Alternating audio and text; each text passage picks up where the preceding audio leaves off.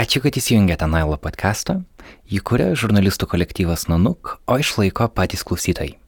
Šią savaitę prie mūsų Patreon bendruomenės prisijungia Gabrielė Zankevičiūtė ir Sirvidas.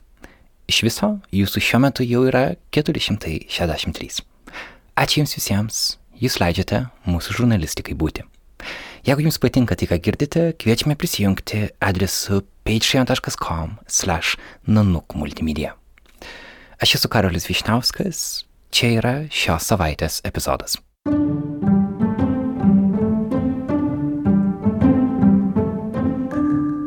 Laisvė ir yra laisvė tų, kurie yra mažiausi.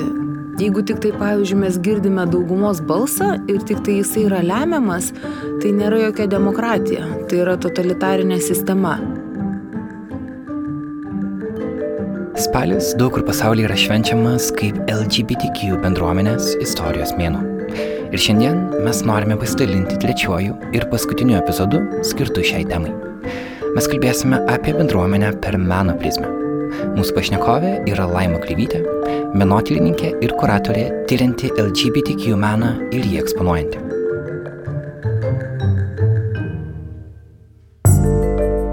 Prieš šešerius metus jį kuravo pirmąją Lietuvos LGBTQ meno istorijos parodą pavadinimu Nuo sutemų iki aušros.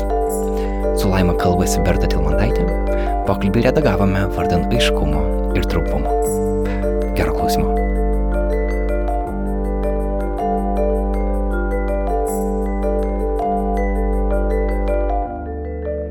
Aš esu Laima Kreivytė, paprastai sakau menotyrininkė, kai noriu vienu žodžiu pasakyti, bet darau daugybę dalykų, kaip ir turbūt dauguma žmonių Lietuvoje, ypač kultūros laukia. Mes visi esam barbės devindarbės, nes kitaip neišeina.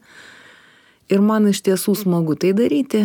Daugiausia gal darau parodų, esu kuratorė. Esu jų surengusi daugybę, virš 50, tai tikrai gal net daugiau bet visokio dydžio nuo visai smulkių mažyčių vieno autoriaus nedidelėse galerijose iki tokių didesnių kaip baltijos paviljonas prahos bienalėje arba lietuvos paviljonas venecijos bienalėje kai buvo pristatytas žilvinas kempinas. Na ir dar rašau tekstus kažkiek kritikė rašau poeziją išeis mano knygelė artumo aritmetika. Tai yra viena išėjus ar ne? Taip viena išėjusi safo skaitykla skaistykla čia toks per vidurį s svirduliuoja. Įdomu o įvardinat save kaip aktyvistė, feministė ar ne? Tai kaip feministė visada save įvardyju, nes čia net jeigu ir nesijaučiau didelė feministė, vis tiek iš principo tai pasakyčiau, nes kažkodėl baidosi šito žodžio ir moteris būtinai bando paneigti, ne, ne, aš ne feministė, tai aš kaip tik nebandau, aš esu feministė, noriu būti feministė. Manau, kad visi žmonės, kuriem svarbi lygybė, ne tik lyčių, bet bet kokia lygybė, kurie vienodai vertina individus nepriklausomai nuo lyties, jie visi yra feministai. Tai aš esu feministė ir kiek tik tai leidžia laikas, esu aktyvistė. Mhm. Mes šiandien sutarėm kalbėti apie LGBTQ plus e, bendruomenę mene, ar bendruomenės meną, ar bendruomenę mene. Ar galiu paklausti, ar save laiko tos bendruomenės e, dalimi ir kaip? Taip, aš laikau save bendruomenės dalimi. E, manau, kad e, šitai yra svarbi mano gyvenimo dalis. Iš tikrųjų, idealioje visuomenėje žmonių neturėtume netgi taip skirstyti į LGBT, gėjai, negėjai, transseksualai, kokie nori idealioje visuomenėje tie pasirinkimai neturėtų didelės reikšmės, nes tai yra žmogaus privataus pasirinkimo klausimas. Bet kai žmonės pradedami rušiuoti pagal tam tikrus jų pasirinkimus arba kažkokius išorinius požymius, odos spalvą ar tautybę ar kažką, tai jau yra toksai pirmas žingsnis į dujų kamerą, tai yra jau pirmas žingsnis į tą neteisingą suvokimą, kad kažkas yra aukščiau. Tai tokiu būdu pasirinkimai yra politiški. Ir tada, kaip Hanna Arendt sakė, kai identitetas yra užpuolamas, identity under attack, tu gal galėtum kartais ir nemastyti, pavyzdžiui, ar tu žydas, bet kai tave užpuola kaip žyda, tada tu supranti, kad tas identitetas svarbus. Ir dabar dažnai kalbama taip, identitetai yra takus, yra konstruojami, mes vienaip ar kitaip juos suprantame, bet vis dėlto kartais tenka aiškiai apsibriežti, prisimti poziciją, atstovauti, nepriklausomai nuo to, kad galų galia kiekvienas atstovauja tik tai save. Mm, tai kokia jūsų pozicija? Mano pozicija yra tokia, kad e, negalima rušiuoti žmonių ir į kiekvieną grupę ir į kiekvieną balsą reikėtų įsiklausyti. Čia sutikčiau su uh, Rosalind Deutsch, kuri rašė, kad, kad tik tai tokia visuomenė gali būti demokratiška, kur labiausiai užguiti žmonės e, turi galimybę išsisakyti. Čia ir Roza Luxemburg rašė, kad, e, reiškia, laisvė ir yra laisvė tų, kurie yra mažiausi. Tai yra laisvė, jeigu tik tai, pavyzdžiui, mes girdime daugumos balsą ir tik tai jisai yra lemiamas, tai nėra jokia demokratija, tai yra totalitarinė sistema. O demokratija tai ir reiškia, kad gali būti daugybė įvairių nuomonių, kažkuriais klausimais taip gali laimėti ir dauguma, jeigu tai ten yra referendumas ar panašiai, bet principas toks, kad girdimi turi būti visi. Ir manau, kad įvairovė žmonių patirčių, e, gyvenimo, biografijos, jinai yra tik tai turtinanti. Nemanau, kad kažkoks tai vienas teisingas gyvenimo būdas, teisingas čia gal net šiek tiek kabutėse sakau, galėtų čia kažkaip tai visiems tapti tinkamu. Ir tiesą sakant, tas skirstimas, pavyzdžiui, į daugumą ir mažumą, man atrodo truputėlį jokingas, nes o kas tai yra dauguma? Jeigu tą daugumą pradėtum smulkinti, tai žiūrėtum, kad ir vienas ir kitas netitinka tai vieno, tai kito idealaus kriterijaus. Žodžiu, mano mintis yra tokia, kad kuo įvairesni yra žmonės, čia kaip ir parodoje, tuo yra įdomiau. Jeigu nueini į parodą ir matai, pavyzdžiui, tik tai kokius nors vienos rūšies meno kūrinius ir vienodo formato ir dar kaip nors panašiai nutapytus, nu tai jau gali pradėti džiovyti ir išeiti.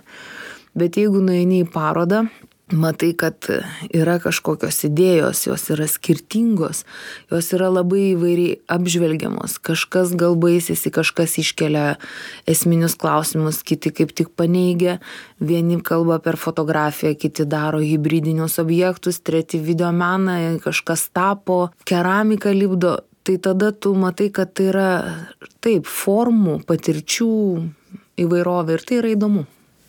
Ar galima būtų sakyti, kad e, savo darbe, pavyzdžiui, kūruojant e, parodas, ar daugiau dėmesio skiriat, ar kažkokią dalį dėmesio LGBTQ bendruomeniai, mene ir jų kuriamą menui? Čia toksai labai geras klausimas, nes visą laiką, kai e, kultūroje arba mene keliamas atstovavimo klausimas, tokia pasigirsta kritika, tai dabar čia tik tai darykim tokį politiškai korektišką, pažiūrėkime, kad užtektų vyrų, moterų, tiksliau vyrų tai jau nebereikia, ten moterų, juodaodžių, lesbiečių, dar ką ir vardina tokią grupę žmonių ir, ir atsiai tada bus tokia nesąmonė. Čia supaprastintas požiūris, be jokios abejonės menas, kultūra atspindi savo laikmetį ir tada mums įdomu, o kaipgi tas laikmetis, kieno akimis mes jį matome. Ir labai ilgą laiką mes matėme, ir istorija buvo rašoma, tokių baltaodžių vidurinės klasės pasiturinčių vyrų. Ir mes matėme tą, pavyzdžiui, kolonisto perspektyvą, tos tolimos šalis, ten tokie vargšeliai, nesusipratę, nekultūringi ir ir panašiai ir atitinkamai istorija va dailės istorijos iki pat dvidešimto amžiaus vidurio dar pasitaikydavo tokių dailės istorijų kur šimtas procentų vyrų vien tiktai menininkai kūrė tą meną ir kultūrą. Tai aš manau kad šiandien rengiant parodas ir tai nėra tiktai mano nuomonė visame pasaulyje jau dabar žiūrima kad atsispindėtų įvairesni žvilgsniai kaip, o kaip mato žmonės, kurie yra iš kito pasaulio krašto, kaip mato žmogus, kuris yra gal iš kažkokios užguitos atėjęs e, situacijos, kaip mato tas žmogus, kurio, kuris gal buvo išnaudojamas arba kriminalizuotas, kaip ilgą laiką Lietuvoje homoseksualumas buvo kriminalizuotas, kaip ir visoje Sovietų sąjungoje tai aš stengiuosi atkreipti tai dėmesį bet svarbiausias kriterijus parodose be abejo yra vis tiek tam tikra meninė kultūrinė vertė. Bet kartu labai man svarbu ir parodyti tas kitas patirtis queer tai tada rengiu parodas grynai su tuo susijusias. Surengiau šiuolaikinio meno centre tą parodą nuo sutemų iki aušros 20 LGBT nepriklausomybės metų Lietuvoje, tarsi pažymint tą faktą, kad jau 20 metų gyvename nepriklausomoje valstybėje, kurioje homoseksualumas dekriminalizuotas, nors nepaisant to dar ir dabar tokių girdisi labai keistų balsų ir požiūrių, kaip tas homoseksualumas įsivaizduojamas. Tai va čia yra įdomi tokia dinamika, kaip išbraukiama iš to kriminalinio registro, kaip suvokiama, kad tai nėra jokia lyga, bet vis tiek yra daugybė prietarų ir nepasitikėjimo. Ir jeigu žiūrėtume istoriškai, tai tarkim nuo nepriklausomybės pradžios, kaip tik rengiant tą parodą žiūrėjome lietuvos gėjų lygos surinktą tokį video archyvą buvo pavyzdžiui nepriklausomybės pradžioje kai buvo toks atvirumas imlumas viskam visi domėjosi ir ir tos sienos atsivėrė ir ta informacija visokia plūdo. Tai tada nebuvo kokio tai labai didelio nusistatymo veikiau kažkoksai o o kas čia taip o kaip? Ir žmonių kai klausdavo ten apklausos televizijos tai apie tą homoseksualumą tai tokios nu nežinau ne man čia netrukdo. Toks kažkoksai tarsi nieko tokio o paskui matyt nusirita kažkokia tokia banga kad jau jau kažkas pradėjo tvarkyti aiškinti reguliuoti kad labai čia negerai jau tokios atsiranda baimės įsivaizdavimo kad ateis užgrobs kažką padarys. Nu toks kito konstravimas Įdomu, kaip atsitiko tas lūžis, nes aš ir pati atsimenu tą pačią pradžią, kai iš tikrųjų buvo daug istorijų, kalbam apie translyčius žmonės, apie kaip, koks yra gyvenimas, ar ne, kai jis nori pakeisti lytį ir panašiai, o po to atsitiko tas e, kažkoks apsivertimas ir turbūt, e, turbūt keliauja tokiom bangom, kaip ir dabar galim pastebėti, kad tokia per pasaulį rytas irgi tokia konservatyvizmo, netgi tam tikro fanatizmo, mora, moralizavimo banga ir ir, ir taip pas, paprastai ir banguoja tas pasaulis nuo tokio laisvesnio prie tokio uždaresnio, konservatyvesnio tai nepriklausomybės sąjūdis tai vat kaip tik galima ir pagalvot vat kai žmonės veržiasi į laisvę tai kažkaip ta laisvė jinai suvokiama plačiau tada ir ta judėjimo laisvė keliavimo žodžio laisvės religijos tai tai atrodo tada ir visi gali būt laisvi ir per tą prizmę žiūrima.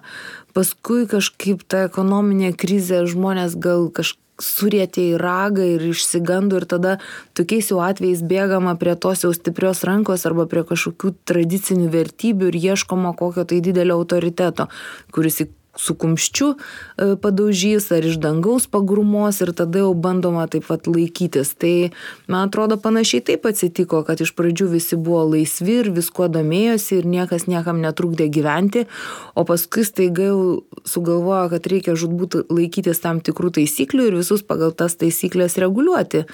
Tiktai svarbu tokiais atvejais kažkaip nepasiduoti inercijai ir neleisti tam bangavimui virsti kažkokiu tokiu cunamiu nes tai gresia ne tik tai lgbt teisėms tai gresia bet kokioms teisėms. Nes jeigu prisimintume ir tas visuomenes tarkim afganistano ar irano taigi buvo labai visokių kažkokių ir modernių laikų ir kokios tiktai nori muzikos ir jokių ten pridengtų veidų o paskui ateina kažkokie konservatyvūs labai dogmatiški žmonės į valdžią. Bet toli nereikia ieškoti toji pati vengrija arba lenkijoj kyla tokios vat bangos kur bandoma statyti į vietą. Man iš viso atrodo kad kai žmonės stato į vietą tai yra nu tiesiog yra labai blogai. Nes kas kas gali pasakyti kur toji vieta yra kažkoks neteisingas požiūris Mhm. O menas gali pasipriešinti tam statymui į kažkokias vietas? Ar Lietuvoje tai buvo ir ar yra kažkoks pasipriešinimo momentas mene, kalbant apie LGBT bendruomenę?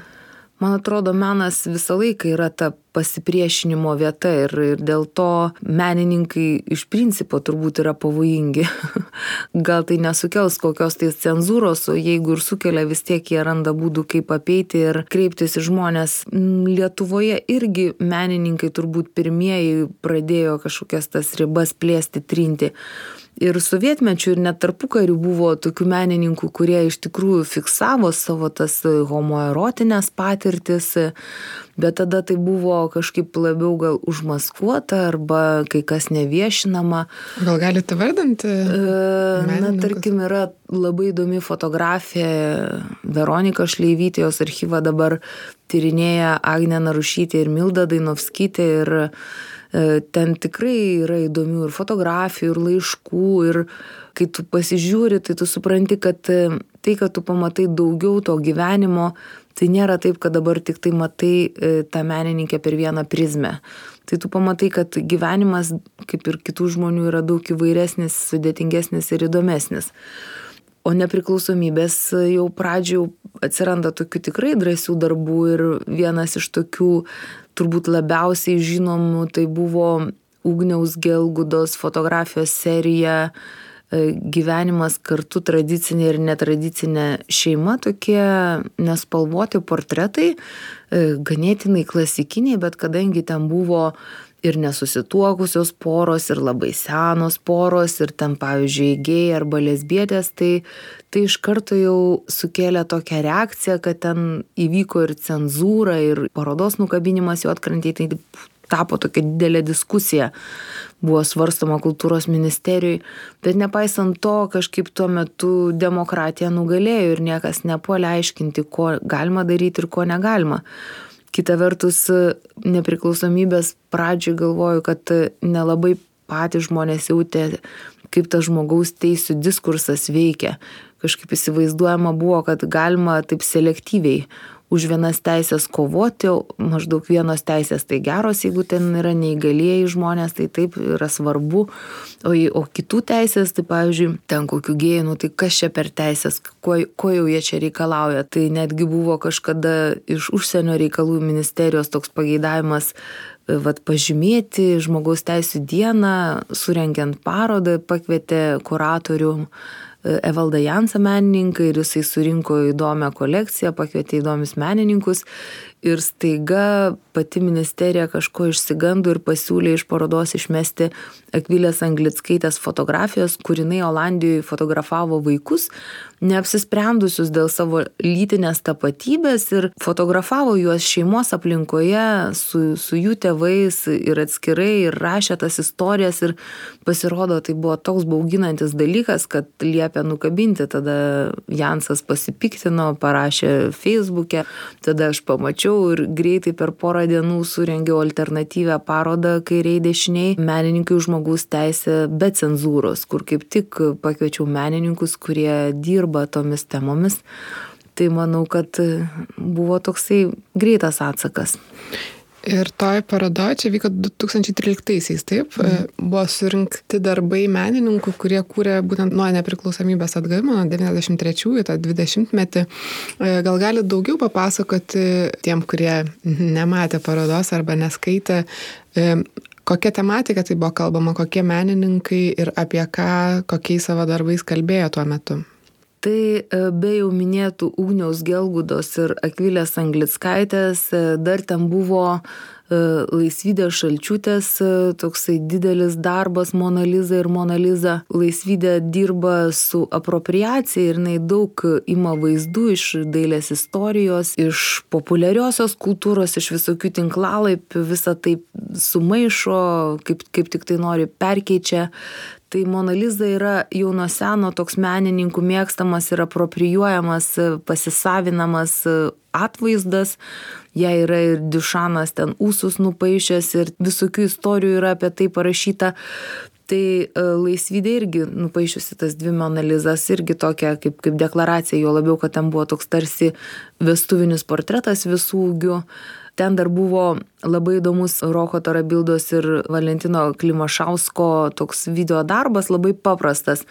Jie tiesiog gatvėje žmonių prašė papasakoti tokį anekdotą ir tiesiog tas anekdoto pasakojimas apie gėjus pasidarė toksai kaip visuomenės tam tikrų reakcijų atspindys. Aš manau kad ir šiandien parodytum ir arba paprašytum paskaityti gautum labai panašią reakciją nes tas anekdotas tai toks visiems žinomas kuris egzotizuoja kitą netradicinę orientaciją Nes atsitik tai visokie dizaineriai ir kirpėjai gali būti gėjų, jeigu žmogus darbininkas, nu tai koks tu gėjus, tu esi pydaras. Nu čia toks, toksai anegdotas ir kai žmonės skaito tą anegdotą ir kai taria tuos žodžius ten, tai jie, jų reakcijos viską pasako. Ir atrodo, va, paprastas dalykas, tarsi nieko nėra. Leidai žmonėm pasakyti anegdotą ir visa ta situacija, visa tai ir atskleidžia.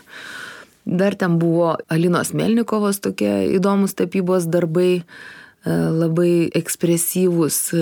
Man Alinos patinka tapyba ir ten buvo toks autoportretas su svetima koja. Ir kai e, aš kalbu apie tam tikrą queer tematikos kūrybą, tai čia yra svarbu, ką tie darbai nagrinėja. Nereiškia, kad tik tai gėjai menininkai kūrė queer meną. Iš tiesų nėra jokio monopolio. Gali tokį meną, kuriam dažnai būdinga kempo tokia šiek tiek kičiška estetika, pertekliaus, gali kurti bet kas. Ir kokiam kontekste tai rodoma, tai taip, taip tas menas gali ir veikti. Tas menas gali būti labai provokuojantis, aktyvus, jisai gali būti ir visiškai saldus, jisai gali stipriai šokiruoti ką nors, o gali visiškai nieko nešokiruoti ir tiesiog būti kaip kokia dekoracija.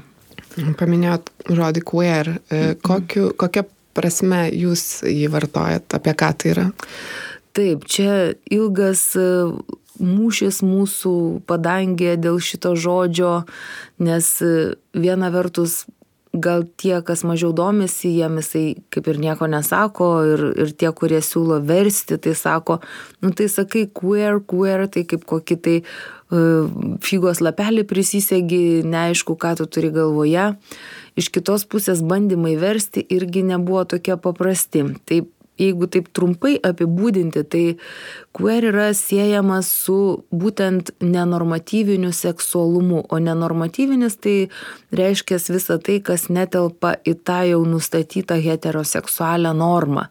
Ir čia gali būti daugybė tokių visokių tapatybių, ir gėjai, ir lesbietės, ir trans žmonės, ir interseksualai, ir, ir kokių tik nori pasirinkimų. E, bet esmė ir yra tokia, kad nėra vieno dominuojančio. Čia kaip ir skirtingai nuo, tarkim, sukonstruoto kaip priešingybė, kad yra, tarkim, angliškai queer and straight, nu toksai vad kreivas tapatumas ir tas jau tiesus, tas tiesus, teisingas, maždaug heteroseksualus ir tas jau neheteroseksualus.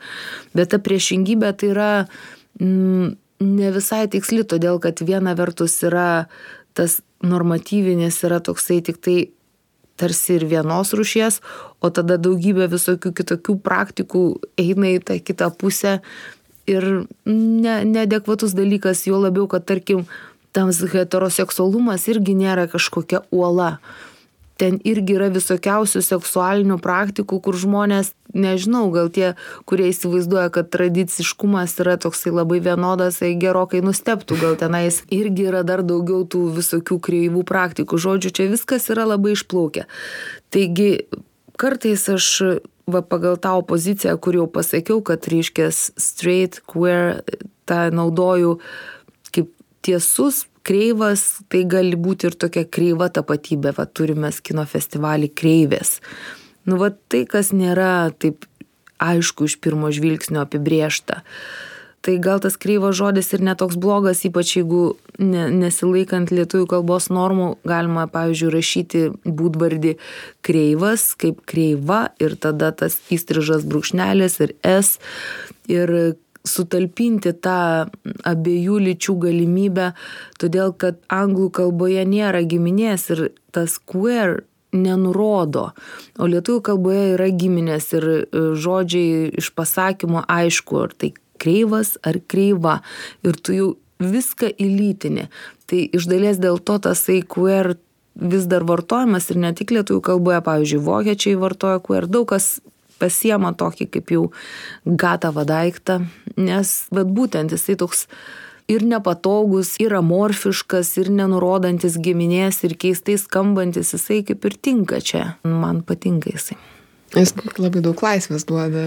Taip, jisai laisvės duoda ir jisai keistais skambais nepatogus, jis taip burnoji velėsi, bet tai gerai, nes, nes tai ir nėra patogu, nes tai buvo toks irgi niekinamasis terminas, kaip ir visokie fagot ir panašiai. Tai apropriuojama pasisavinima, neigiama reikšmė ir padaroma tai tiesiog kaip žodis, išvalant nuo tų neigiamų konotacijų.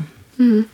O išvardinat keletą menininkų, kurie dirbo jau po nepriklausomybės atgavimo, e, tarpu karį paminėjot e, fotografę. Ar buvo kažkokių queer meno praaiškų sovietmečių, kai ne, tai... nebuvo ne tik LGBT, bet ir sekso nebuvo?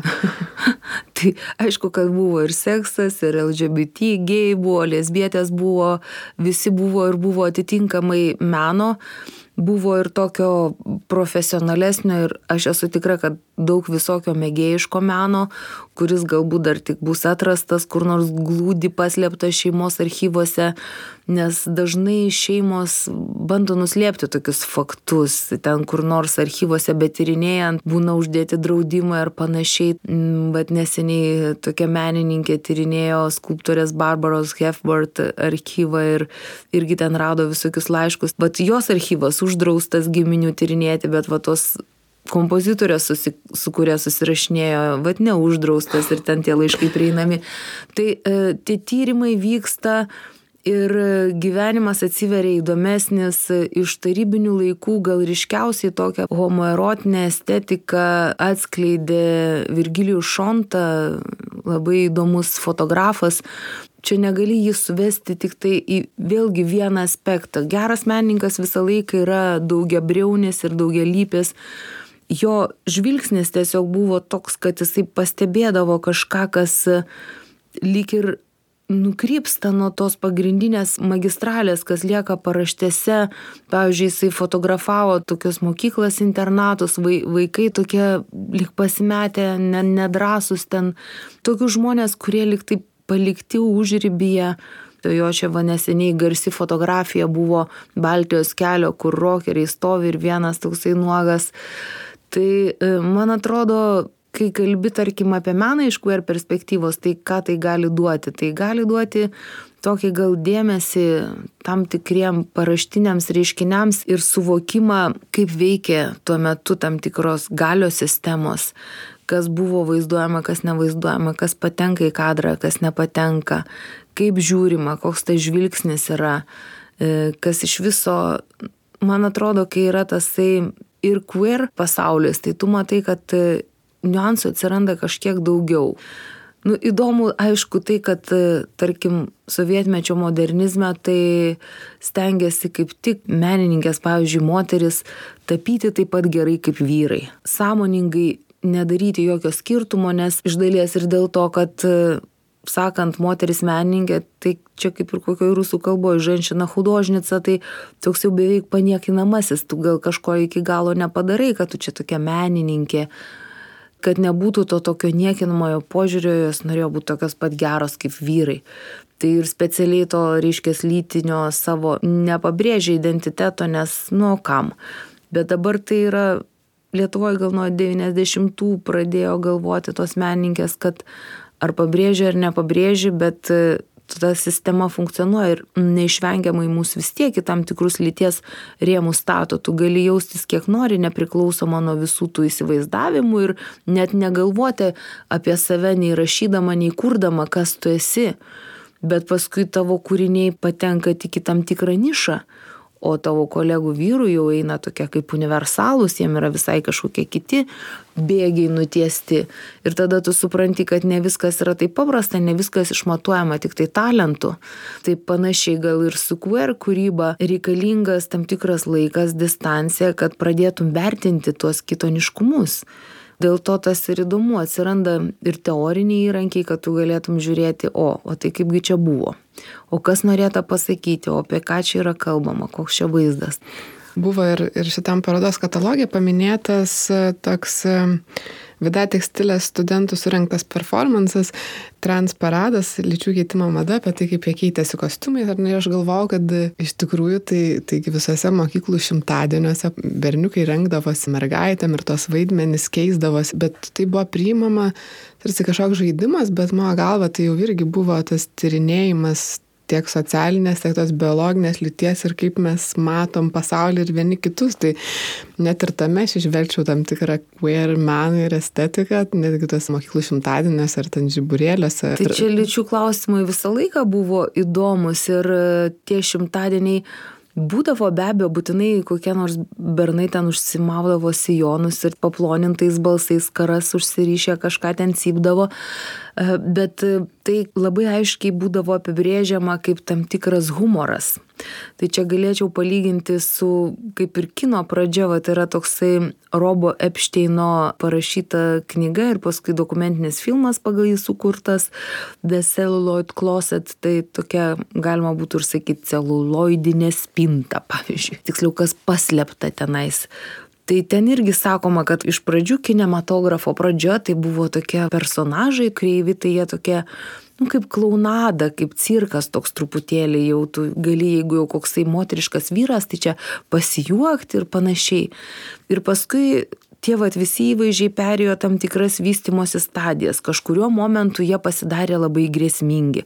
Kažkokie vampyrai žudikai ir panašiai tokie dugėjai kurie hičkoko virve smaugia kažką ir pasakojo kaip juos tai jaudina.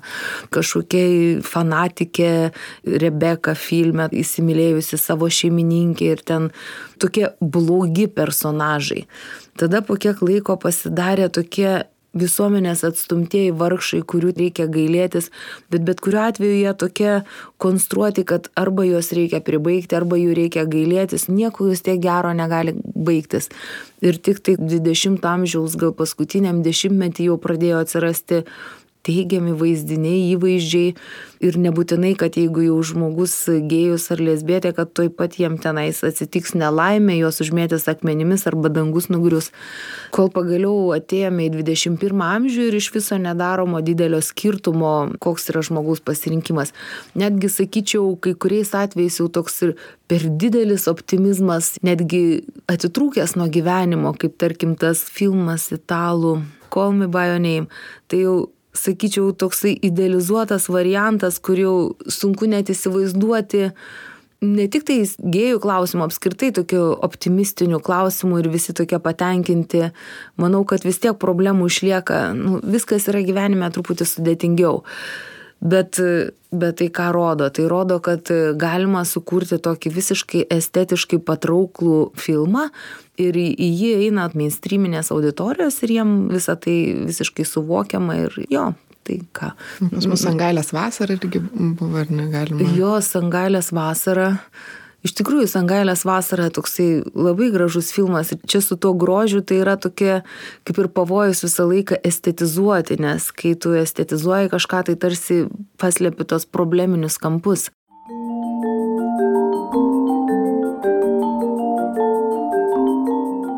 Įsiterpsiu padėkodamas mūsų rėmėjams kompanijai MailerLite.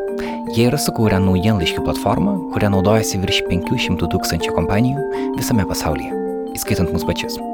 Naujienlaiškiai išgyvena atgimimą, tai yra geras būdas burti auditoriją, išvengiant socialinių tinklų. MailerLite turi paprastą vartotojo sąsają, jie duoda išsame statistiką, kiek žmonių tavo naujienlaiškį atidarė. Ir svarbu tai, kad ši platforma veikia nemokamai iki pirmo tūkstančio gavėjų. mailerlite.com ten viską galite išbandyti patys. O mes esame dėkingi, kad MailerLite komanda nuo pat pradžių palaiko Nailo podcastą ir apskritai lietuviško podcasto buvimo idėją. Ačiū jiems. O dabar grįžtame į studiją.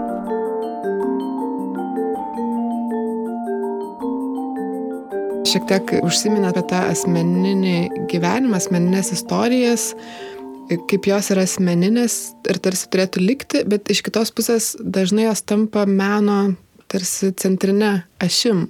Kokia yra svarba menininkų asmeninių istorijų mene ir raiškoj?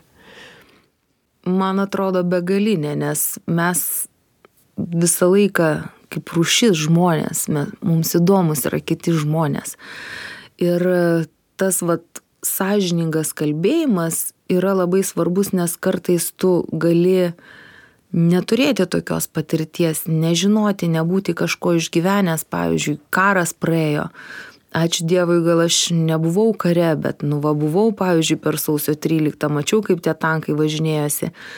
tai toksai šiurpus patyrimas, bet net jeigu ir nebuvo nematę, bet tiesiog iš pasakojimų, iš tikrų istorijų, iš liudijimų, žmonės tada jaučia empatija gali susitapatinti, o jeigu ir nesusitapatina, tai tas sąžiningas kalbėjimas jos iš tikrųjų jam leidžia kažkaip tą pasaulį suprasti kaip tokį sudėtingesnį ir įvairesnį. Man atrodo, tikrumas yra be galo svarbus. Aišku, jisai turi būti išreikštas atitinkamai tikra kažkokia tokia kalba, tokia nepagražinta ir tiek mene, tiek, tiek kokioj poezijai tada ir daro poveikį, kai tu matai, kad tai taip pasakyta stipriai, kažkaip gal skausmingai, bet e, nesentimentaliai. Ir, ir tada galvoju, taip, gal aš nežinau, kas tai yra, gal aš niekada ten, pavyzdžiui, nebuvau su moterim, ar ten, gal jeigu vyras, gal nebuvo su vyru, bet jausmai tai vis tiek pa žmonės yra kažkokie panašus, vienodi, jie gali vis tiek veikti. Tai manau, kad nuoširdumas yra svarbus dalykas, tik tai aišku, vien tik tai nuoširdumo nepakanka, nes nieko nėra baisiau už tokį kažkokį sentimentalumą, tai aišku, draugams ant pėties visi galime paverkti, bet jeigu kalbam apie meną, tai jau tada reikia vis tiek tam nuoširdumui dar ir rasti tam tikrą formą tokią įtaigę. Hmm. Dažnai, kai ta centrinė šim tampa tos asmeninės istorijos ir ypač LGBTQ e, bendruomenės istorijos, tokia tarsi išnyksta riba tarp meno ir aktyvizmo, nes ta istorija, kurią tu išreikški kažkokiu e, meniniu kūriniu, gali tapti ir impulsu, gali iš to menininko tarsi tapti aktyvistu, kaip jūs tai matot. Man asmeniškai menas ir aktyvizmas nėra priešingose poliuose. Man atrodo, tiek aktyvistinė poezija gali būti gera, tiek ir neaktyvistinė gali būti gera arba prasta. Jeigu kažkoks kūrinys tave įkvepia kažką daryti, tai na puiku. Tarkim, rusų poetas Majakovskis, jis bet ką ten galėtų surimuoti tokių pakilių rimų ir, ir jisai turi poveikį o kaip, o kaip pavyzdžiui, tam tikri, reiškia, salomėjos nerės eilėrašiai tapo arba dainomis, arba kažkokie įkvėpimo šaltiniu. Tai vad dabar ten visai kaip ją ko neveikia, bet ir tremtiniai e, turėjo jos eilių pasiemė ir pas partizanus rasdavo.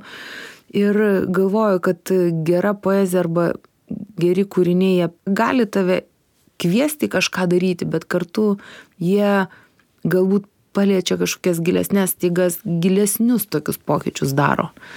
Čia turbūt netgi galėtume beveik gradaciją padaryti. Jeigu nori šaukti barikadas, tai jau aišku renkėsi tokius pačius tiesiausius, tiesmukiausius, ten gal plakatinius šūkius. Jeigu nori ilgalaikiškesnių ir gilesnių pokyčių, tada jo, tada tada tiesiog gal ir ateina laikas tai tokiai išpažintiniai lyrikai, kažkokiam kalbėjimui asmeniškam, kad kitas žmogus jaustųsi kaip sėdintis šalia ir besikalbantis su tavimi.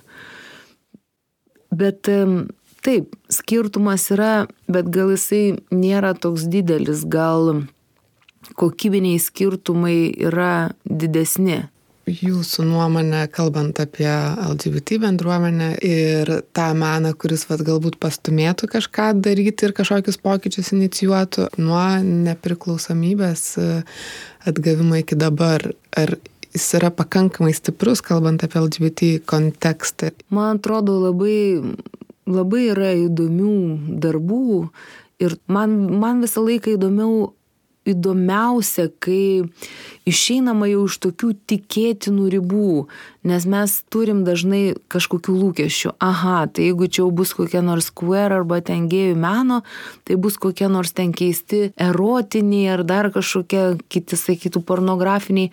Jeigu galvojant, pavyzdžiui, apie tapybą, labai įdomiai dirba Adomas Danusevičius, jisai ir darbą parašė Dailės akademijoje, meno doktorantūroje, apie kamufliažinį vyriškumą ir jis tiesiog taip kažkaip visiškai išsilaisvinęs, ten yra ir tos erotikos ir tokio, bet kartu jis tą tapybą, pačią tapybą, pačią drobę, patį potepį, formas taip keistai taip išlanksto, sukreivina ir tu supranti, kad pats tas ir tepimo aktas, ir, ir pats pasakymas, aktas kaip po toks, aktas, veiksmas.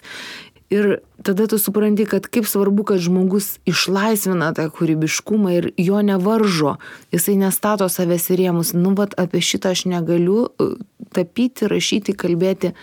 Yra sukurta puikių spektaklių, Gintaro Varno, Tolima šalis ir, ir daugybė kitokių. Ir tu supranti, kiek, kiek tame yra jėgos. Ir man atrodo, yra girdimi ir jaučiami tie balsai ir, ir apie juos kalbama, ir apie juos kalbama ne tik tai kažkokiuose specializuotose leidiniuose arba tik tai ne tik tai savo grupelėje, bet tai tampa rimtos analizės šaltiniu, tai domisi tuo ne tik tai lietuviai, domisi pavyzdžiui kažkokia angliakalbė auditorija, parašė, vad, Rimas Užgiris straipsnį apie LGBT poetus angliškai išspausdino Vilnius Review. Tai manau, kad procesai vyksta. Turime vat, režisierių, Romas Zabarauskas pastatė jau ne vieną filmą. E, tai jūs minėjot Sangailės vasarą, aš dar prisimenu tą tokį revoliucingą anarchiją žirmūnuose, kur kažkiek vat, sujungia ir tą pilietiškumo, politiškumo liniją, kas man, pavyzdžiui, visą laiką yra įdomu, kai tarkim tokio Karo Limako vengrų režisieriaus 82 filmas Kitas žvilgsnis, angliškai buvo Another Way, irgi pravedė paralelės tarp dviejų moterų žurnališčių meilės ir Vengrijos įvykių 56 metų, kai, kai revoliucija kilo pasipriešinimas e, sovietams ir, ir įvažiavo tankai sovietų į, į Budapeštą. Tai savotiškai grįžtam nuo to, nuo ko pradėjom, kad laisvė tai ir reiškia laisvė individui reikštis kūrybiškai visur, visose sritise, nesakant šitą galima, šitą negalima. O kai jau prasideda tokie varžymai, tai tada jie iš tiesų varžo visuomenę, varžo kiekvieną jos narį. Jeigu tu iš principo mastai, kad žmonės kaip individai yra lygus, jų vertės nelėmė tam tikri pasirinkimai, tai tu turi visą tą queer diskursą išmanyti. Aš nesakau, kad tu turi domėtis, nes domėjimosi sritis gali būti skirtingos tai čia gali ir visiškai nesidomėt bet e, negali dėti kažkokio riebaus minuso visiškai neįsigilinęs bendrai jausmiškai, kaip atrodo ir to meno, ir tos tematikos mene Lietuvoje užtenka, yra pakankamai, ar visgi norėtus daugiau, ar jau gal yra per daug ir jau yra kitos temos, kurių reikėtų imti. Tai man atrodo, visi turi imtis tokių temų, kurios jiem rūpi ir jiem skauda ir kuriuom čia vad nėra tokio, kad, nu dabar dar biški padirbkime queer laukia, dabar padarykime biški feministinio meno.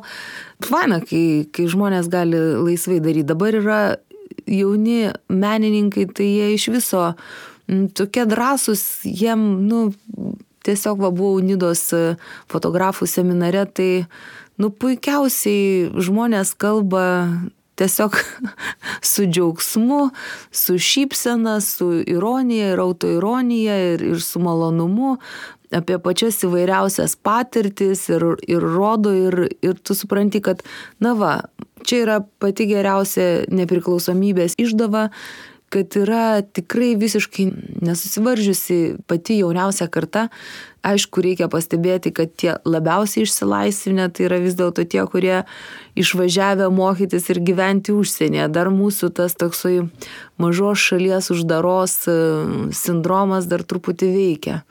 Bet manau, kad kuo daugiau žmonių keliaus po pasaulį ir grįž, tai keisis viskas ir e, tas mąstymas bus toksai laisvesnis.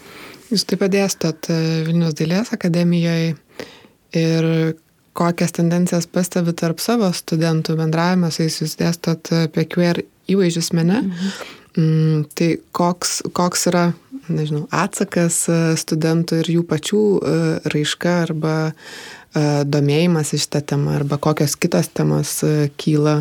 Tarkim, Venecijos benaliai, kiek ne, ne, neteko nuvykti dar, bet kiek skaičiau, kad kaip niekada daug buvo queer meno ir būtent kalbėjimo šitą temą Ar dėstant e, Dailės akademijai, dirbant su studentais, pastebit kažkokias tendencijas temų šitos temos? ir tai kitų. geroji dalis ir yra ta, kad e, yra tokios temos, kokios e, tiem studentam aktualios ir jeigu juos domina, tarkim, queer tematika, jie gali kurti kūrinius e, šitą temą ir yra gerai, kad jie gali pasirinkti, tarkim, tokį kursą ir pasigilinti teoriškai, pasiskaityti ne tik tai, kad tai liktų kažkokio taip šiaip savo svarstymo laukia, Aš atsimenu vieną tokį studentą ryškų, Dominikas Sandleris darė tokį kūrinį didžiulį savo užpagalį apnuoginęs ir, ir, ir atsimenu, kad kažkas aišku taip pat paskundė, kaip pas mus mėgsta, buvo ir kokie tai raštai siunčiami į Seimą, tenais turėjo vos neaiškintis, bet vėlgi galiu pasidžiaugti, kad Dailės akademija vis tiek išlieka tokia atvira institucija, neužsiema cenzūrą nei savo dėstytojų, nei savo studentų, o žiūri į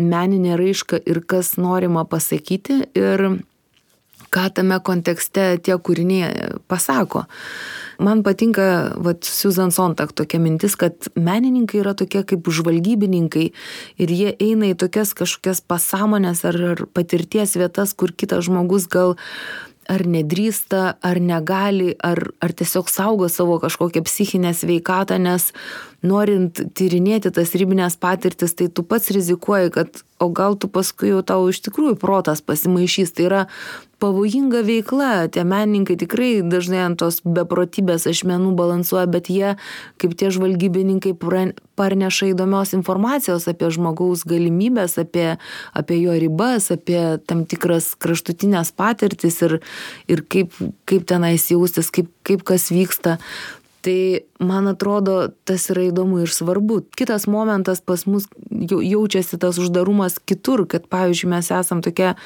labai balta visuomenė ir nematom kažkokių kitokių žmonių, kitokios odos spalvos ir, tarkim, kolonialinis diskursas pas mus mažai suvokiamas, dažnai lietuviai nesuvokia tos problematikos, atrodo, kad čia tik tai kitiem aktualu, liktai mes būtume visai kažkur iškirpti iš to pasaulio.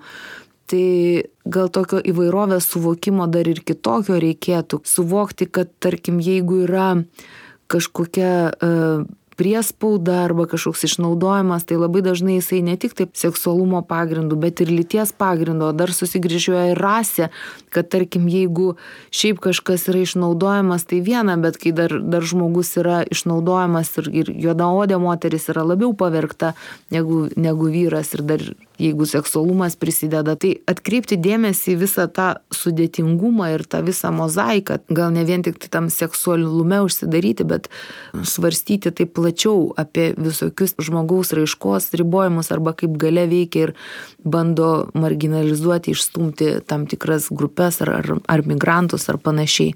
Manau, kad svarbiausia turėti tokį plačiai atmerktas akis ir atvirą širdis ir tada tokį imlų protą ir, ir galėsi sukurti įdomių kūrinių, jeigu tik tai yra kažkiek tai noro, jeigu skiri tam laiko, jeigu turi talento arba kažkokio darbštumo. Mm. Ruošiantis apskritai šitai temai, nes čia jau kelintas epizodas, prieš tai kalbėjome su vyriškiu, kuris pasidalino savo asmeninę istoriją, su Juratė Juškaitė ir Augustu Čičeliu kalbėjom apie sovietmetį ir translyčių žmonės ir Augusto magistrinis darbas buvo apie e, vyrų turinčių potraukį vyrams susirinkimo vietas. Ir besidomint šitą temą, LGBTQ bendruomenė, e, toks atrodo, kad dar yra toks susiskirstimas, dar tarsi diskriminacija pačioj dar bendruomeniai, kad daugiausiai dėmesio viskai gauna vyrai, o moterų istorija tokia lieka translyčių dar, dar labiau e, marginalizuota, bet moterų tokia tarsi kažkur per vidurį ir tokia labai neiški.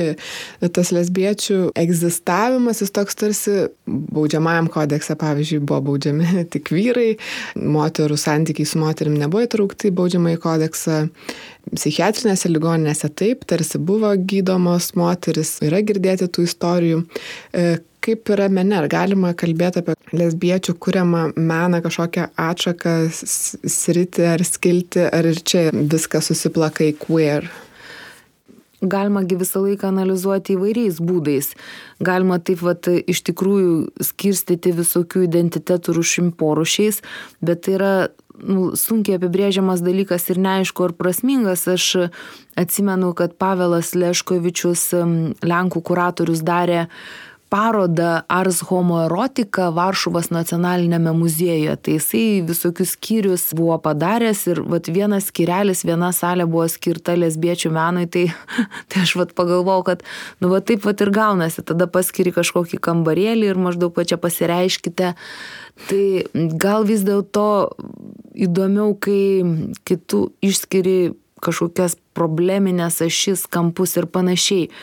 Ir iš dalies kaip pačioje bendruomenėje pradeda ten skirstytis ir atsiranda vėlgi tam tikros hierarchijos, kas svarbesnis, kas, kas mažiau svarbus, tai tas nėra labai gerai, nes reikėtų nepamiršti, kad šitoje situacijoje ta bendruomenė turėtų būti kažkiek vieningesnė ir, ir labiau palaikanti vieni kitus, o dar ne, neįvesti vidinės dar e, kokios tai, nežinau, išnaudojimo ar kažko.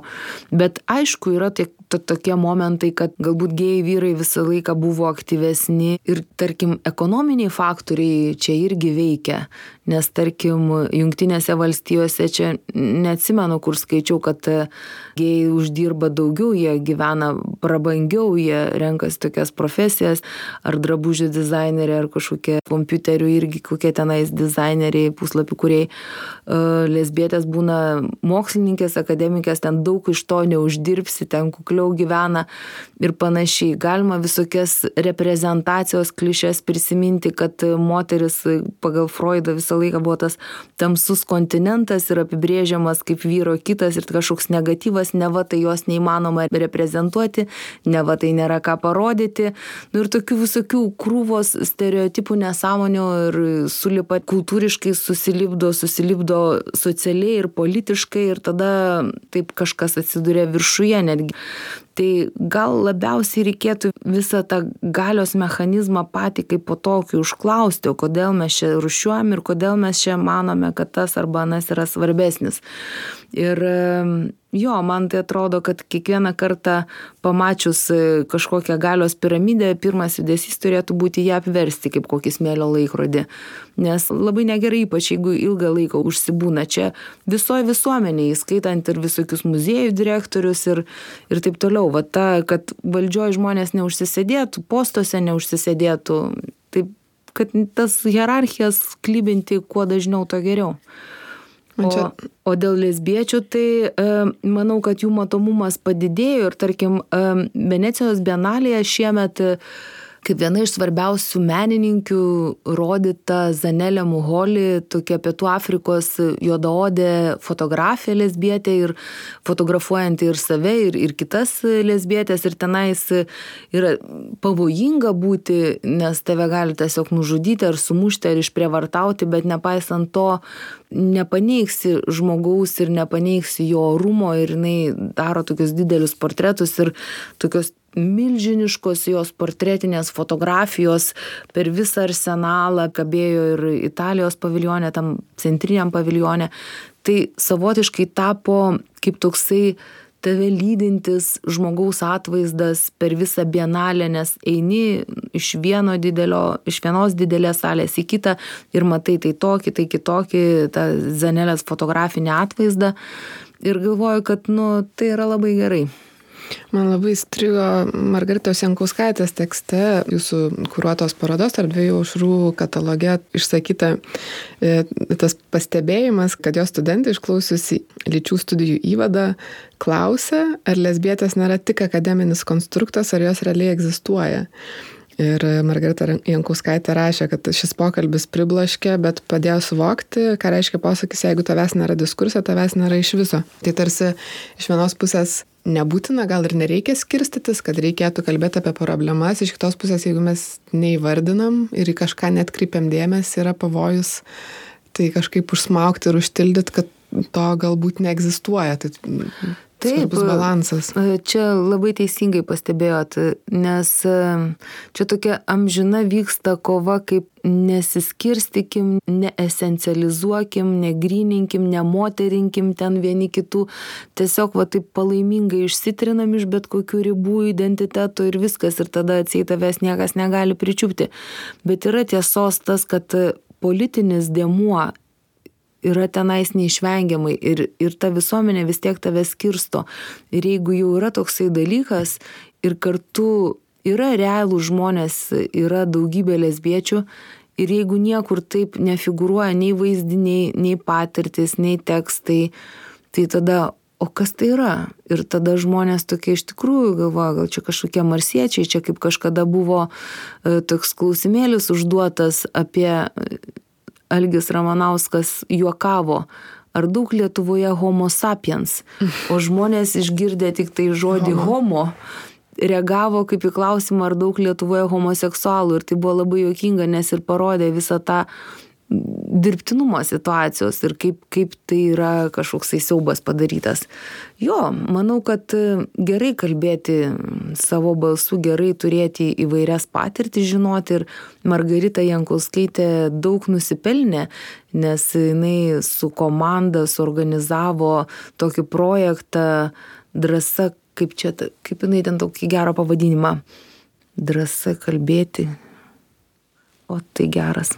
Apie atsiskleidžiančius žmonės. Tiesiog surinko daug, daug interviu e, Lietuvos lesbiečių ir išleido tą knygą Drąsa kalbėti, aistra gyventi. Ir aš galvoju, vat, kaip smagu, jau nuo to laiko praėjo daug, nutekėjo daug vandens ir jau dabar žmonės atvirai kalba, dalyvauja queer skaitimuose, niekas neslėpia vardų, pavardžių, e, dalyvauja festivaliuose, žaidžia krepšinio komandose ir va išleido ten Romas Zabarauskas, ten 99 istorijas su, su vardais, pavardėm, fotografijom. Visa tai yra puiku. Tada galima suprasti, kad iš tikrųjų nėra kažkokio baubo, nėra kažkokio tai vieno baisaus tipažo, yra labai didelė įvairovė žmonių, kaip ir bet kokių kitų, nežinau, sričių. Tai taip, jeigu kalbant apie matomumą, tai mano noras, kad būtų kuo daugiau visokių ir skirtingų matomų žmonių. Hmm.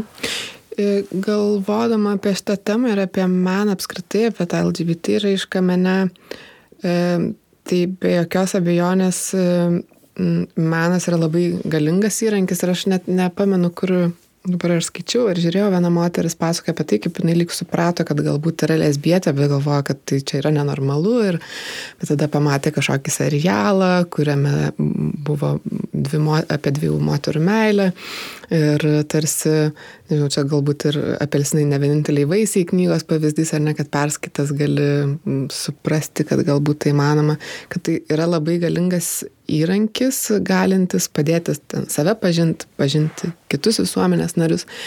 Iš kitos pusės kartais galbūt yra kažkoks elitizmo momentas, kad jeigu gyveni kažkokiam mažam miestelį ir neturi e, prieigos ar neturi galimybės nueiti į parodą pasižiūrėti, ar neturi galimybės, net nežinai, kad yra ten kažkokia knyga ar filmas, tai kartais ar menas gali pasiekti ir ar nėra to pavojaus tiesiog užsidaryti toje bendruomenėje ir kurti vieni kitiems, tik tiems, kam rūpi, bet nepasiekti tų, kuriem galėtų rūpėti, bet jie nežino, kad tai galėtų rūpėti. Aš galvoju, kad šiais laikais, kai yra internetas, tai jau kai jau tas internetas netgi pačiose skurdžiausiose šalyse žmonės turi mobiliuosius telefonus ir vis tiek įlenda į internetą. Gal tai buvo sunkiau iki kompiuterių ir iki interneto eros, kai aš dar atsimenu, kai reiškias tik tai informaciją gaudavau iš laikraščių ir tada pasirodo kokia nors mažytė žinutė ir tos žinutės reikšmė būdavo kokia tai begalinė. Perskaitei kažkur tai oi ten kokioj nors amerikoj kažkas pasidarė lyties keitimo operaciją atrodo kažkoks kosmosas kas čia vyksta kaip čia kas čia. Tai nebuvo buvo labai sunku suvokti ir mastelį ir situaciją nes tu gauni informacijos tiek kiek gauni dabar kai yra internetas daugybė įrašų sukelta. Jeigu tau įdomu tu tiktai paieškok ir rasi visko. Knygų filmų serialų poezijos yra tiek visko daug ir tokio įvairaus lygio, nuo pačio to aukščiausio meno iki visiškos pornografijos ir, ir viskas tau yra prieinama, tai galvoju, tie mažų miestelių žmonės, jie gal, gal kartais taip nepelnytai įsivaizduojami, kad jie ten nieko negali. Man atrodo, jie kartais būna daug geriau informuoti ir turi daugiau laiko pasiskaityti, pasigilinti. E, kitas dalykas, kad taip gali atsitikti toksai kaip gyvenimas burbule. Čia gal labiau netgi tinka dar didesniem miestams negu Vilniuje, kaip mano tokia pažįstama pasakojo, kad tai Berlyne galima iš viso gyventi tokiam lesbiečių burbule, turėti lesbietę kirpėją, gyventi tarp tokių draugų, eiti tokius barus ir, nu, ir visiškai nematyti to kitokio gyvenimo. E, aš tai galvoju, kad tegul būna visokie pasirinkimai, tegul kas nori, kokius nori, eina barus ar kirpiklas ir panašiai. O jeigu apie meną galvojant, tai žinoma yra geriau, kai sugebama išreikšti, kad ir labai individualias, specifines patirtis, bet taip, kad jas galėtų pajausti ir visiškai to nepatyrę žmogus, nes jeigu tu tik tai tokia, reiškia, į savo vidinę bendruomenę, tokius savireferentiškus, nu tai pasidarai kaip gyvatė ryjanti savo uodegą, nu tai niekur neišeini, nu tai išeimas vis tiek reikalingas, reikalingas bendravimas, reikalinga kažkokia idėjų apytaka, tai, tai ne, negali gyventi tuose getuose, nei, nei pats užsidaryti, nei, nei kad kiti kas nors praustų į tam tikrus rėmus.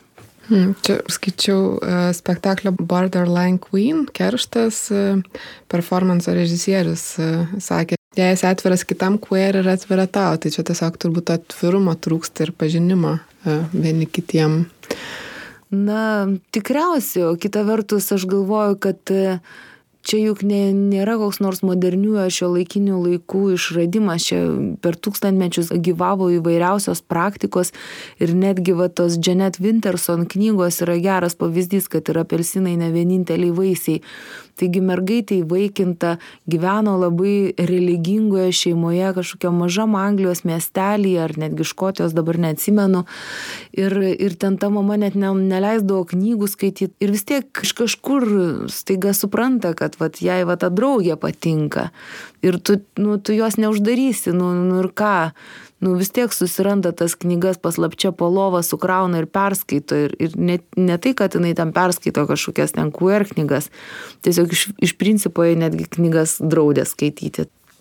O kita vertus, dabar staiga man šojo tokia mintis, kad šlovinant atvirumą reikia gerbti ir tos žmonės, e, kurie nėra gal tokie, sakytume, gal jie yra labiau intravertai, jie gali labai rašyti atvirą poeziją, bet neiti su vėliavom į barikadas. Ir, ir tai irgi yra labai gerbtina pozicija, nes aš laikausi principo, kad kiekvienas turi ir kiekviena daryti tiek, kiek gali, taip, kaip gali, bet kuris spaudimas yra žmogaus atžvilgių neteisingas. Bet kartais jau juntamas tas spaudimas, ypač iš išsiviešinusių, atsiskleidusių žmonių, kad uh, kad kiti tą patį padarytų ir kad tai padėtų mm, sukurti kažkokią kritinę masę, priimti kažkokius sprendimus ir kad tas e, spaudimas visgi kartai visgi ta, egzistuoja. Tas, tas suprantama, kodėl taip yra, nes politiškai e, kuo daugiau žmonių neslepia orientacijos, tuo aiškiau suvokiama, kad tai nėra kažkokia labai specifinė žmonių rušis ar kategorija ir kad niek, nėra kažkokio tai požymio ypatingo, kad, kad tu supranti, kad absoliučiai bet kas, bet kuris tavo kaimynas, kaimynė, draugas, brolis, sesuo, giminė, senelė, močiutė, vaikai, bet kas, visiškai bet kas ir tikrai, tikrai jų yra. Netgi tie, kurie galvoja, kad oi, aš nei vieno nepažįstu, tiesiog jie nežino, nes jeigu yra kažkur dešimtadalių žmonių, nu gal mažiau, gal, gal kažkoks tam tikras, pro, tikrai žino, tiesiog gal niekas nekalba, nes gal ir nepasirengia girdėti tai politiškai yra suprantamas tas noras, kad žmonės neslėptų ir šnekėtų, bet aš laikausi pozicijos, kad tu turi gerbti žmogų nepriklausomai nuo jo orientacijos ir tu turi gerbti jo pasirinkimą kalbėti tada, kada nori, taip kaip nori ir tokiomis temomis, kokiomis nori. Tai aš tiesiog manau, kad bet koks spaudimas šiaip man yra nepriimtinas, nesvarbu, kam spaudimas ir, ir kokioje situacijoje. Yra, man atrodo, tie žmonės, kai kurie, kurie galbūt yra tylus, gal net nelabai dažnai nueina į kokius nors vakarėlius, bet jie, pavyzdžiui, parašo kažkokią tokią poeziją, kur kelios eilutės yra nu, milžiniško poveikio, tai aš negalėčiau sakyti, kad tai yra silpniau negu išėjimas ir pasakymas aš esu. Ir kita vertus manau, kad tyrinėjimo prasme, gilinimosi prasme, manau, kad irgi neturėtų būti jokių tabų, tarkim, žvelgti į tam tikrą kūrybą iš tos queer teorijos perspektyvos, neturėtų ten kokie giminės ar kas nors drausti, stebėti ir analizuoti tai jūs galite nesutikti su ta perspektyva. Ir vėlgi, tai nėra vienintelis būdas žiūrėti, bet e, tai reikia, kaip man labai norėtųsi, kad tai reiškia tas queer žvilgsnis, jisai išplėstų, o nesusiaurintų. Ne tai, kad dabar iš didelio spektro visokių žmogaus ten talentų arba kūrybos viską tik suspraustume ir tik tai matytume tam tikrą vat, queer uh, estetiką ar kažką. Bet manau kad kai yra didelė įvairi kūryba ir liečiamos ten kažkokios ir laisvės, ir priespaudos, ir, ir kažkokias, nežinau, intimumo temos, tai va tas queer yra dar vienas aspektas, kur tu gali pasižiūrėti, tai tada yra įdomiau. Hmm. Gerai, ačiū. Atrodo tiek, nebent dar kažką norėtumėt pridėti, gal kažko nepaklausiau, apie ką svarbu pakalbėti nežinau apie ką svarbu pakalbėt galvoju kad svarbu kad e, kalbėtųsi žmonės ir ir gal e, nebūtina iš tikrųjų kiekvieną kartą atėjus pasakyti kažką bet kartais galima ir pasisakyti tą kaip kaip kokiam anoniminių alkoholikų susirinkime. Tai tai tą aš ir norėčiau pasakyt kad e, tiesiog reikia kalbėtis. Reikia kalbėtis pačiom įvairiausiom temom. Ir queer yra geras būdas e, pradėti pokalbį, kad ir nuo to, kad aš nežinau, kas tas yra queer. Gal tu man galėtum paaiškinti. Hmm. Tai ačiū, kad atėjo šiandien pakalbėti. Tai ačiū Jums.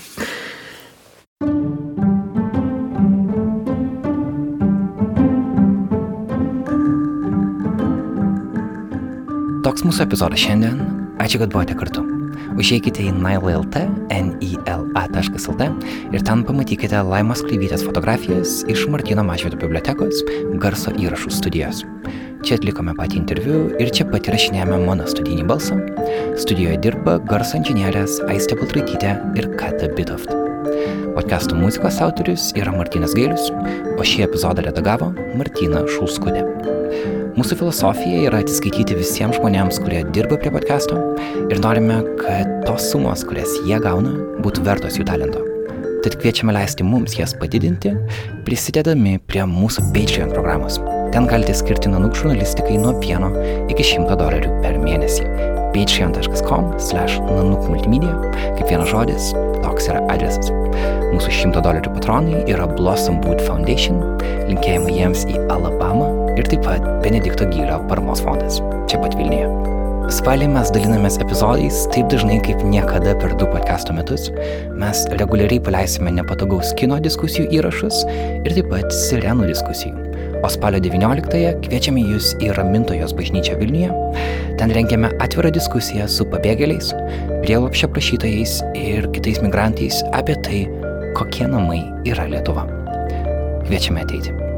Mano vardas yra Karolis Višniauskas, aš esu podcast'o vedėjas ir redaktorius. Naila podcast'ą kuria žurnalistų kolektyvas Nanuk. Tiek kol kas. Iki.